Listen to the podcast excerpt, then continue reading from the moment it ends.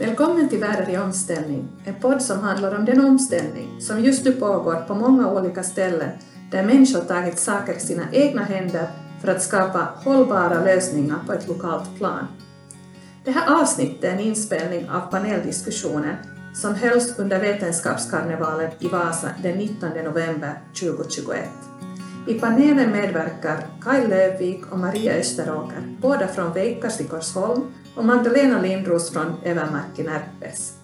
Alla tre personer har gått igenom en personlig omställningsprocess där de börjat bygga upp en mer hållbar livsform på den plats där de bor.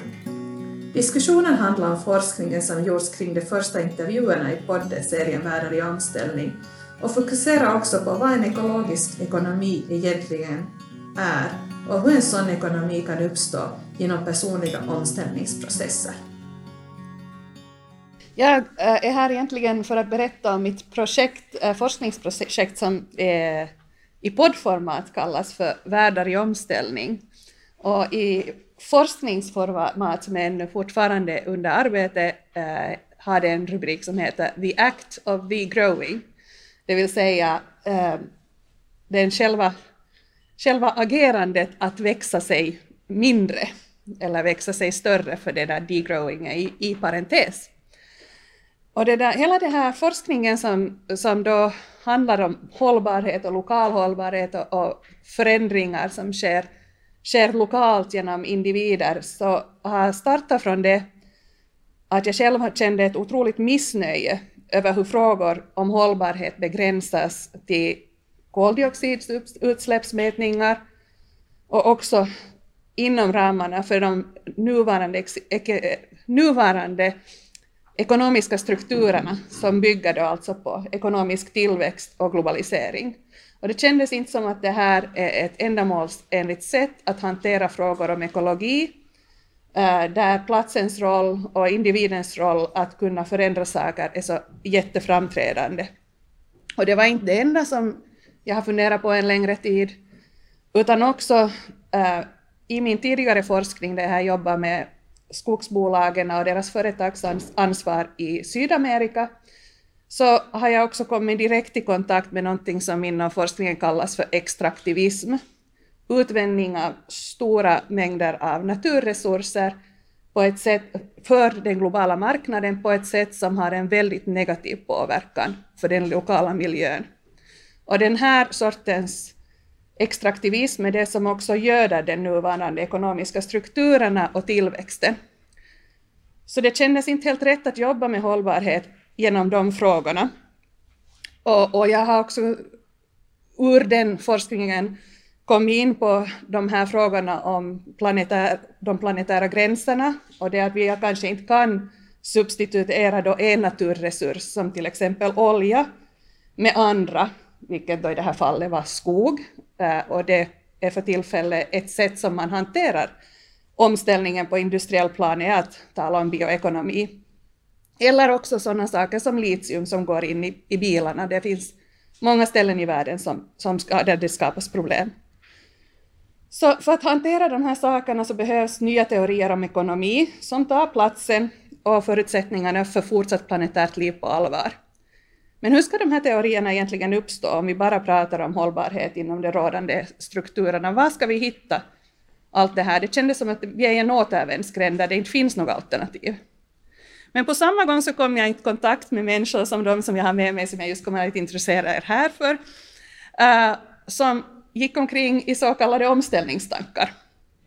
De ville skala ner, eller som Maria Österåkers bok, hon är med oss idag, den första boken som jag läste av henne, eh, hon ville leva mer på mindre. Och det fanns väldigt intressanta idéer där som jag på något sätt hakar fast i om vad är egentligen ekonomi? Och jag börjar se att det finns massor med människor som helt frivilligt eh, ska, är beredda eller har hoppat av det här heltidslönearbetet för att ha mer tid, tid för att leva på ett hållbart sätt. Och min fråga var då att sysslar inte de med en sorts ekonomi de också, i sin egen ekologi?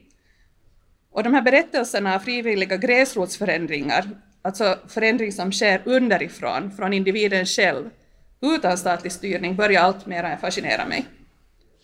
De australiensiska ekonomiska geograferna Julie Graham och Catherine Gibson arbete med alternativa ekonomier som community economics hade också lärt mig att alla alternativa ekonomiska praktiker som redan existerar, men, att, men de är osynliga på grund av hur vi definierar dem som bara det monetära.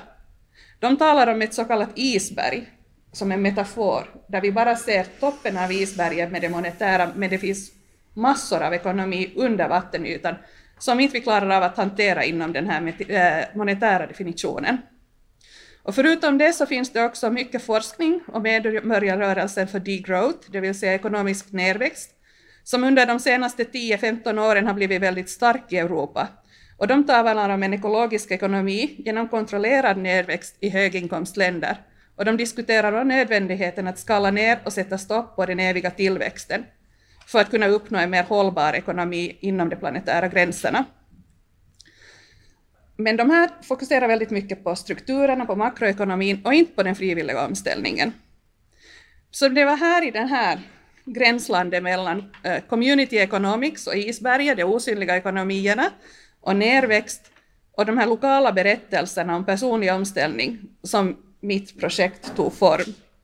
Och de här omställningsberättelserna som jag också då har dokumenterat i poddformat för att kunna få nå ut till en större publik än bara den akademiska, de pekar på ett nytt, rätt så osynligt en rätt så osynlig organisationsform som håller på att ta form i gränslandet mellan tillväxt och nerväxt. Ekonomi och ekologi och där platsen spelar en allt mer framträdande roll i hur människor bygger upp nya livsformer, men också hur man hittar varandra och börjar samarbeta och stötta varandra. Så att vara konsistent med min metodologiska angreppssätt av forskning, så där jag vill, os, vill synliggöra osynliga röster, och därför har jag också de här poddarna, så har jag bjudit in tre personer som på olika sätt har bidragit väldigt konkret genom sin egen berättelse eller intellektuellt genom sina böcker och, och deltagande i olika aktiviteter eh, för att kunna prata om de här sakerna. Och jag har alltså här Magdalena Lindros från Övermark och Maria Österåker och Kaj Lövik, båda två från Veikars. Välkomna. Tack. Och jag tänkte att ni får börja med att jag inte presenterar er desto mer än så här, utan ni får själva börja med att berätta att hur ni har kommit, er, kommit på tanken att hoppa av tillväxttåget som jag kallar det, men ni får själva definiera det hur ni vill. Om Kai vill börja. Utgångspunkten är väl nog mitt eget mående egentligen. Att uh, hu, hu, att mitt liv också ska vara hållbart. Och jag tror att när mitt liv är, är hållbart så då återspeglar det sig också i det större. Så att eh, det är nu sex år sedan som jag beslöt mig för att, att eh, säga upp mig från mitt arbete. Och eh, jag har då bakgrund som hortonom och yrkeslärare. Eh, och eh, en längtan helt enkelt att leva på vår gård där min fru och jag bor. Och eh, där, jag, jag, går nog ganska mycket efter liksom sånt här som har känts bra. Det, det, har inte, mitt tidigare liv kändes inte hållbart, det kändes lite som en liten lögn att man gick i någon bubbla. Och, och att få då vara från morgon till kväll leva på gården så gör att jag känner mig mer rotad, jag liksom lär mig uppskatta min egen miljö. Det faller liksom på det viset bort eh, behov av att resa så mycket. När livet går lite långsammare så upplever man mera, så att jag känner att jag får som ut mera av livet fast det egentligen händer mindre. Men äh, ekonomiska saker kommer ju nog emot också i det här samhället så att, att idag så, så är det ju en liten kompromiss. Jag jobbar två till tre dagar i veckan på Optima har en fastighetsskötsellinje i utbildad fastighetsskötare i Gamla Vasa. Så där är jag tillbaks två, två till tre dagar i veckan. Så att det är min situation just. Mm. mm. Och Maria? Mm. Uh, jag tror att vi allihopa känner att, att vi skulle behöva mera tid eh, i våra liv, men det är ju ett faktum att man kan inte få mer än 24 timmar i dygnet. Så därför tänkte jag att jag måste ju ändra hur jag använder de 24 timmarna jag får. Och valde då att, att jag ville inte sätta så mycket tid på mitt arbete, att mitt lönearbete, eftersom jag ville få tid till så mycket annat som jag tyckte var roligt. Så den här tiden att, att vinna tid till annat var nog eh, då, när det hände för ungefär tio år sedan, den viktigaste anledningen till varför jag valde att, att jobba mindre. Min bakgrund är, eh, jag är ekonom, här också från Hanken. Och jag, jag jobbar nog Alltså jag har inte helt slutat jobba, men jag har helt ändrat på mitt sätt att jobba. Så idag jobbar jag mycket mindre. Jag kanske jobbar med ganska samma saker, men, men mycket, mycket mindre och, och får på det sättet tid till annat. Och precis som, som Kai säger, att, att när, man, när livet saktar ner och när man kanske når den här inre hållbarheten, så då är det liksom att det tränger ut genom huden, att, att det också åt, återspeglar sig i hur man börjar tänka kring världen runt omkring. Så när jag hoppade av så fanns det ingen hållbarhet och inga miljötankar överhuvudtaget, men de har kommit väldigt starkt sen efteråt. Mm. Magdalena Maggi? Ja, det kommer att eka nu för att det är också tid som var, var faktorn för mig. Att när jag, när jag liksom fundera på att hur, hur vill jag, eller hur känns livet och, och hur vill jag leva det, så, så var det just tiden som, som var en faktor. Men jag har inte, jag har inte ett sådant eh, tillfälle då jag kan säga att där hoppar jag av, utan, utan det har börjat med små steg. Det började med att jag började intressera mig för, för uh, rättvisa bananer liksom och rättvist märkt kaffe och, och den vägen sen liksom att, att, att börja hitta de här, att hur, hur liksom ser egentligen en, en hållbar värld ut? Att, att det som jag gör så har en effekt eh, uh, ute, i, ut i, i världen, mina, mina liksom vardagliga val, så har, har liksom en... Uh, det påverkar både min närmiljö men också längre bort. Och det var liksom den, den tankegången som har fått mig att sådär lite i taget göra olika förändringar. Det började med att jag trappade ner på, på jobbet och började jobba 80 procent och sen så tog jag studieledigt och jag, alltså jag, utbildad, eller jag har läst konstvetenskap så jag jobbar inom konst och kultur. Men så tog jag studieledigt och, och, och utbildade mig till trädgårdsmästare för att uh, just få den här kontakten till jorden liksom ännu starkare som också fanns ett sånt här behov som jag tror att också ganska globalt det här behovet att återkoppla till, till naturen och jorden.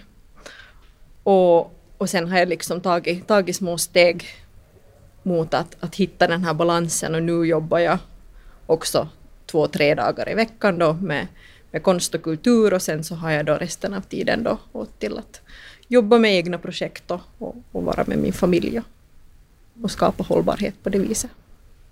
Mm. Så jag kan ju ännu tillägga här att i själva studien så har, äh, har vi med, jag skriver det tillsammans med en medförfattare, äh, har vi med tio stycken intervjuer och de flesta är från Finland. Men jag har också äh, intervjuat människor i Sverige och i Norge. Och det som är det intressanta här är det här hur man kommer till insikten är väldigt varierande. Alla har sin egen äh, livs, äh, livsstig att vandra och kommer till någon sorts insikt, men det intressanta är precis som Maria sa, att det var inte hållbarhet för henne, men för Maggie var det en sak som liksom fick kicka igång henne är att ändå den här processen som sen börjar liksom utstaka sig då på olika platser på väldigt olika sätt, på något sätt ändå följer väldigt Mm. liknande mönster och det finns väldigt mycket där som, som är, är, är gemensamt för de här berättelserna. Hur, för er då, hur har den här förändringsprocessen förändrat hur ni ser på er själva och, som, och en del av den här ekonomin, eller hur ni ser på ekonomi i sig? Har det förändrat er förhållning till pengar och arbete och, och annat? Jag ska börja med Maria.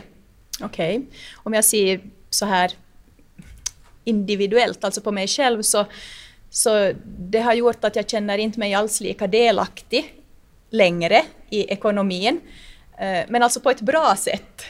Att eh, jag känner att, att jag behöver inte pengar på samma sätt, vilket gör att jag behöver inte jobba. Eh, jobb, eh, arbetslivet styr inte mig lika mycket. Eh, jag behö, eftersom jag inte behöver pengar så behöver jag inte köpa så mycket saker. Så, så mitt mitt be materiella behov styr inte mig längre på samma sätt. Och det har ju varit en resa. Det här med, med det är ganska intressant, alltså tanken om att tjäna pengar har varit super, super central i mitt sätt att tänka har jag märkt, alltså ända sedan liten.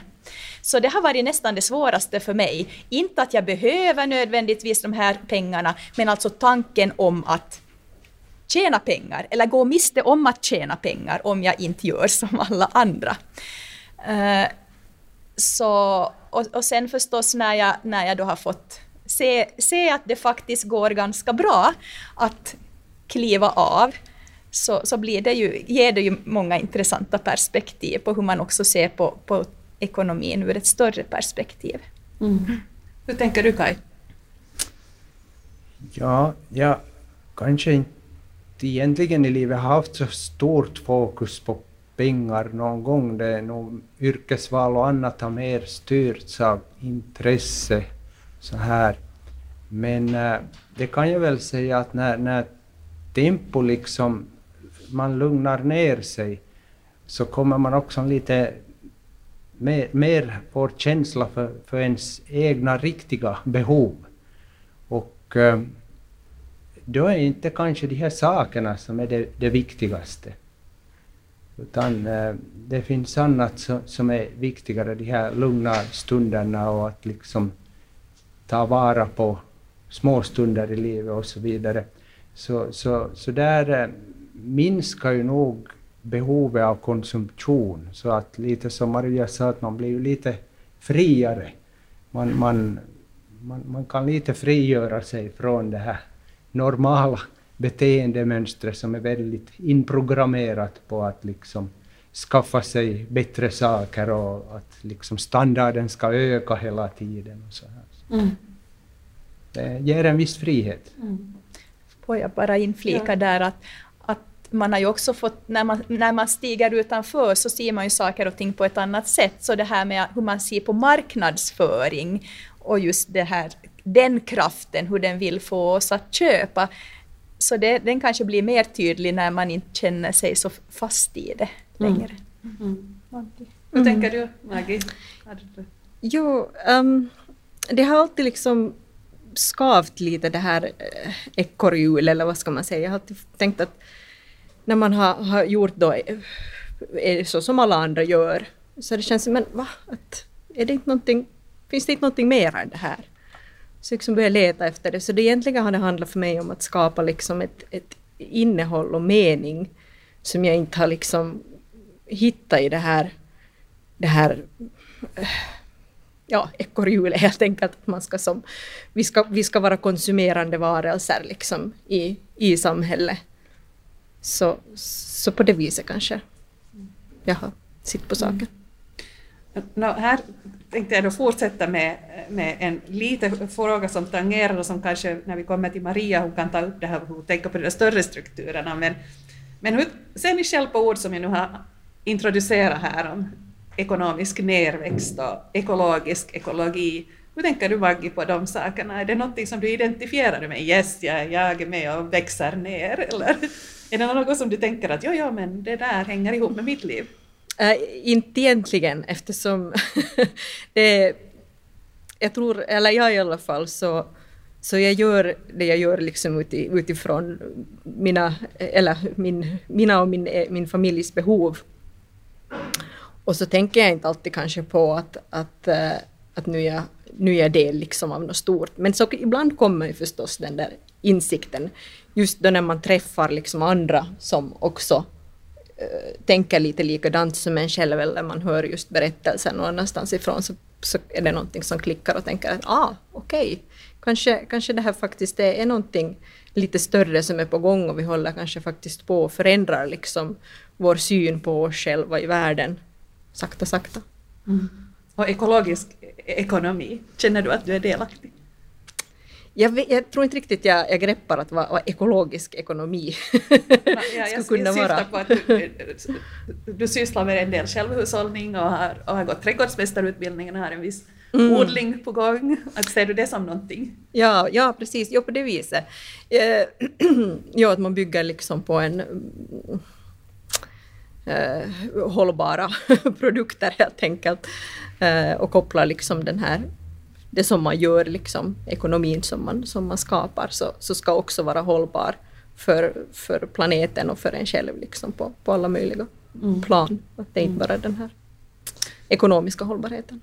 Maria, du eh, sa någonting om att sen börja tänka på de där större, större sakerna. Och jag tänker att det kanske har att göra med just de här grejerna. Nerväxt, ekologisk ekonomi, vad säger det åt dig? Ja, alltså det har väl kanske med tiden då när man har hållit på, jag har ju ändå hållit på lite i tio år och i början så fanns det ju inte det här på kartan, jag var ju inte det minsta, alltså när jag började jobba mindre så var ju inte miljöintresse på det sättet märkbart. Men, men det har ju kommit med tiden och, och jag har också sett att jag är, inte, jag är inte en person som står på barrikaderna och ropar eller som, som skriver en massa insändare och, och vill en massa olika lagförändringar och sånt, utan, utan jag har kanske sett det här som mitt sätt att kunna påverka. Att, att, att om jag anammar det här begreppet nerväxt eller downshifting eller jobba mindre eller att tänka hållbart eh, och för fram det på mitt sätt så om jag får andra att bli intresserade och inspirerade så kan man ju påverka ganska mycket bara genom att man lever på ett sådant sätt som man själv tror är bra för, för miljön och som man själv mår bra av. Hur tänker du Kai? Växer du ner eller växer du upp? Ja, ja, hur ska jag förhålla mig till det? Åtminstone eh, tänker jag att, att eh, jag kan prioritera vad jag vill sätta mina pengar på. Att dit jag lägger mina pengar så är det liksom det är hållbart på det viset. Så att på det viset ser jag väl nog att, att liksom mitt liv är en liten pusselbit i det här nedväxt samhället. Och, och nu tänker jag ju också i de här större banorna och, och lite som Maria kanske att man kan kanske vara en förebild för någon, inspirera någon. Redan det här att man bryter lite det här kollektiva tankemönstret tror jag kan ha en liten, liten betydelse. Mm.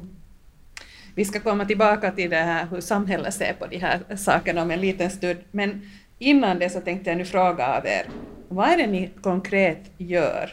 Vad är det ni, då jag sa här tidigare också att, att rubriken nu alltså med de, med nerväxten är liksom i parentes, utan det är faktiskt någonting i ekonomin som växer också med ert engagemang. Vad är det ni får att växa med, med den tid ni nu har fått till förfogande? Uh, vem ska, ska vi börja med? Kai? Um, om det är någonting som, som ja, vad växer. Lokalsamhället tror jag växer, liksom kontakterna i den eh, e-, egna byn där man bor, eh, samarbete liksom människor emellan, mm, när det finns mera tid. Så att eh, kanske jag, jag har liksom, min personlighet är liksom lite enstöring, det, det måste jag ju medge. Men, men liksom, e, ändå känns det värdefullt att ha ett, ett eh, socialt nätverk kring sig och man hittar de här som tänker likadant. Så att eh, lokalsamhälle är kanske det, det som växer när, när man sysslar med någonting sånt här som, som att man är mer, verksamhet, mer verksam sådär lokalt. Mm. Um, Maria, Ja. vi går den vägen. Alltså vad, vad jag som konkret skapar. Alltså jag tror väl kanske att jag skapar alternativ. Alltså det som jag känner att, att jag kanske visar på att, att det går. Eh, att man inte behöver göra det så märkvärdigt, att var och en kan göra det på lite på sitt sätt. Och sen att, att det faktiskt funkar. För det tycker jag när man kommer i kontakt med människor att det är så många som vill men det är många som inte vågar. Och kanske då vara den som kan ge en liten försiktig puff eller en hård spark i baken så, så, så påverkar. Sen tycker jag också det här med lokalsamhälle att, att någonting jag har tänkt väldigt mycket på när det gäller hållbarhet är ju att, att vi inte alltid kan förflytta oss. Att, eh, att vi kan inte förflytta oss till jobbet, vi kan inte förflytta oss på fritiden för att allt annat händer någon annanstans än där vi är.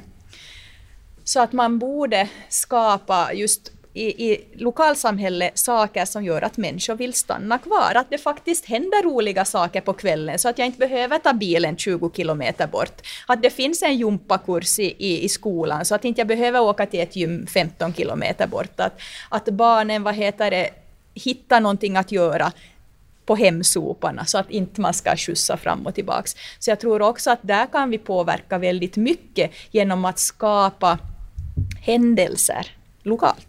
Mm. Maggie? Mm, ja, jag håller definitivt med tidigare talare här. Uh, personligen så, så, skapar jag, eller ser jag liksom att, att uh, jag försöker skapa välmående uh, då via konst och kultur, men, men också att så jag odlar grönsaker som då är, vad heter det, förstås nyttiga och bra att, bra att äta och så då bakar jag surdegsbröd också som, som också är en del av det här att man liksom det som man äter ska vara, vara liksom och bra för en. Uh, och så också lär jag ut yoga och, och är liksom inne på det här med, med, med, den här mentala biten också, att skapa välmående där. Så det är kanske någonting sådant konkret som jag, som jag vill, vill skapa mer av. Uh, och i grunden där så, så ligger det som, som jag nämnde tidigare, att, att man liksom hittar, hittar kanske den där kopplingen till sig själv och, och samtidigt finns det också en tanke om att hitta just tillbaka till, till kopplingen till, till det här större också, till, till världen, att hur, hur, hur, hurdan människa är jag i världen. Mm. Jag trodde att ni alla skulle gå helt lösa på självhushållning. Ni, alla, ni växer er egen mat, men det gjorde ni inte. Men jag vet att det är en del av era. Men det var väl det vi hade lite förberett oss här då vi diskuterade igenom de här sakerna, att det är väldigt lätt att koppla ihop den här processen som som personer som, som går in på det här spåret går igenom med eh, trädgårdsodling och självhushållning. Och, och, det där, och det är så mycket mera som händer än bara det. Det är väldigt centralt i väldigt många av de här berättelserna, men, men det är väldigt mycket annat också som man engagerar sig i, som kan vara ihopkopplat med det vad man har kommit in på för spår, men det kan också vara ett spår som kommer med tiden. Jag har bland annat från Norge en som har aktiverat sig i frågor om frön, att skapa en, en, fröba, en lokal sån här, lokalsamhällets fröbank eh, utgående från hans insikt, och det var det som gjorde att han hoppade av en IT-karriär, att klimatförändringen kommer att skapa så stora problem att vi, kom, vi tvingas att, att adaptera nya frön på nya områden för att uh, temperaturerna förändras så mycket att vi kan inte mer tänka oss att det odlas samma sorts växter som förr har långsamt kommit in eh, med tiden. Så han har gått liksom helhjärtat in i att försöka adaptera så mycket frön som möjligt till den norska ekologin. Och, där finns det också väldigt många olika intressanta tankar om, om också hur frömarknaden globalt fungerar idag och hur, hur de här lokala förhållandena kanske slås ut en del. Så det finns väldigt många olika sätt att växa. Ja, ville du säga någonting om jo, det? Nej, faktiskt, jag tror det var en så självklar grej det här med att odla så vi kanske alla liksom lite hoppar över det men det, är ju, det stämmer ju, det var ju nog också, också så som jag liksom riktigt eh, på något vis eh, hittade liksom min grej där också. Att, att via, via att liksom börja, börja odla och, och, och se liksom att hur kan jag jobba med naturen. Ja, så började det också för mig. ja. ja, samma här, alltså ta, ta hand om jorden, eh, odlingsjorden, det, det, är som så konkret sätt att ta mm. hand om platsen där man bor. Få det bördigare och få det att växa bättre. Och det, liksom, det känns som att det är någonting värdefullt också i det man sysslar med, någonting som är verkligt hållbart att kunna odla sin egen mat. Och där är ju den här direkta kopplingen över till det konkret materiella som man då ersätter det vad man köper från butik liksom väldigt, väldigt synbart för att man kan ersätta det vad man själv, själv gör på de marker man har tillgång till, eh, så den här pengaekonomin med att odla det själv. Men det finns ju många andra, andra saker och det är inte alltid eh, de här processerna handlar om att ersätta med pengar. Att jag har också med berättelse om och, vilket nu då inte existerar mera, men en, ett lokalt spinneri som startades upp här i regionen, också utgående från att, att, att garn som produceras eh, på den globala marknaden idag är totalt ohållbara. Och tanken på att den finska ullen bränns upp eller slängs bort var en så galen tanke att, att, att där kom det igång ett nytt sorts entreprenörskap helt enkelt. Så det behöver inte vara så att man helt och hållet blir liksom pengafri i sitt omställande, men det kan också handla om en väldigt sån här eh, lokaliseringsprocess där fortfarande naturen, fåret då har en väldigt central betydelse för, för den här ekologin och ekonomin som uppstår. Um, men att där, det här var nu egentligen den frågan att måste man vara självhushållare för att kunna vara en omställare? Det måste man alltså inte egentligen, men det råkar nu sig så att de flesta ändå börjar intressera sig för, för den delen. Ja, mm. Maria, hade du något där att Ja, säga? jag tänkte säga bara att, att ja, men att ändå absolut inte. Att, att det finns ju många, alltså om man tänker självhushållning så tänker ju många att man går all in och faktiskt odlar så mycket som möjligt. Men vi har ju ett, jag har ett själv ett exempel, jag odlar inte morötter, för jag tycker att det känns som, det är jättemycket av min tid går åt till det när jag vet att jag har en, en annan person jag känner som odlar morötter jättebra. Så jag tror också att man ändå måste hålla i tanke att, att det handlar mycket om att göra det som man är bra på och gå in med sina pusselbitar och hitta andra mm. pusselbitar som passar ihop. Att det är inte heller hållbart att alla gör allt. Nej, en sorts samhushållning kanske Exakt, det handlar ja. om. Mm. Um, men hur reagerar då andra på, i er omgivning på ert radikala omställningsarbete? Hamnar ni i någon sorts gnisselzon med, med det här rådande strukturer och förväntningar av hur man ska vara i det här samhället? Hur tänker du, Maggie? Uh, ja, uh, det är att, att, att jag ville jobba mindre utan att, att uh, ha till exempel då en, en, ett litet barn att sköta om som väckte nog ganska mycket frågetecken att, va? att varför, varför vill, jag, vill jag det? Så, så där, där fick jag nog liksom förklara vad, vad, vad liksom det handlar om. Eller jag behövde jag ju inte heller förklara utan det var bara så att jaha. Så, så det finns nog situationer ju som, eller man hamnar nog liksom ibland lite och, och, och kanske sånt som man själv tar för, för givet att, att ja, men så, här, så här vill jag leva eller göra så, så kan det se väldigt märkligt ut kanske i någon annans ögon. Mm. Vad tycker du Maria? Ja, jag tycker nog, skulle du ha svarat för något år sedan så skulle jag ha sagt att, att det väck, har bara väckt positiva saker. Eh, folk har varit jättenyfikna och vill veta mer och, och, och så vidare. Och jag märker mycket att, att man vill berätta om sitt eget sätt och sina egna drömmar och så vidare. Men sen jag eh, nu i våras kom ut med boken Jobba mindre, lev mer, så inte det många, men nu har det börjat komma in den här att ja, men att, att uh, hur skulle det gå att om alla skulle göra så här och vi, vi förlorar ju skatteintäkter och det är osolidariskt att jobba mindre. Så där, där har det börjat komma lite den biten. Men uh, det är ju också intressant att ta mm. den, den diskussionen tycker jag. Så, men för det mesta har det inte gnisslat alls. Men det finns vissa korn i maskineriet. Mm. Kai, har du stött på reaktioner? No, i, I min vänskapskrets så har det väl närmast varit helt positiva reaktioner, kanske beroende på att vänskapskretsen har utformats under åren med, med människor som tänker lite i samma banor. Men i förhållande till min pappa så, så, så alltså han var ju en, en, en man som liksom född på bör, första halvan av 1900-talet och och, och, och sitta här Fattig-Finland. Så för honom var det nog en, en svår tanke att, att eh, förstå att varför jag i hela fridens namn ska säga upp mig från ett, ett arbete. Och, och liksom att, att ehm, det, det, var, för honom var det en, en, stor utmaning och då blev det ju en liten utmaning för vår relation också. Att, men, nu, han har väl Sio accepterad för han dog. Mm. Ja, ja. Uh, jag tänker också på en sån gnisselzon som när man försöker skapa liksom en ny ekonomi då, nya sätt att, att jobba och vara i världen i gamla strukturer så kan det vara ganska utmanande ibland. Ta nu till exempel just småskalig grönsaksodling då som jag vill, vill göra delvis för egen, egen del men också sälja.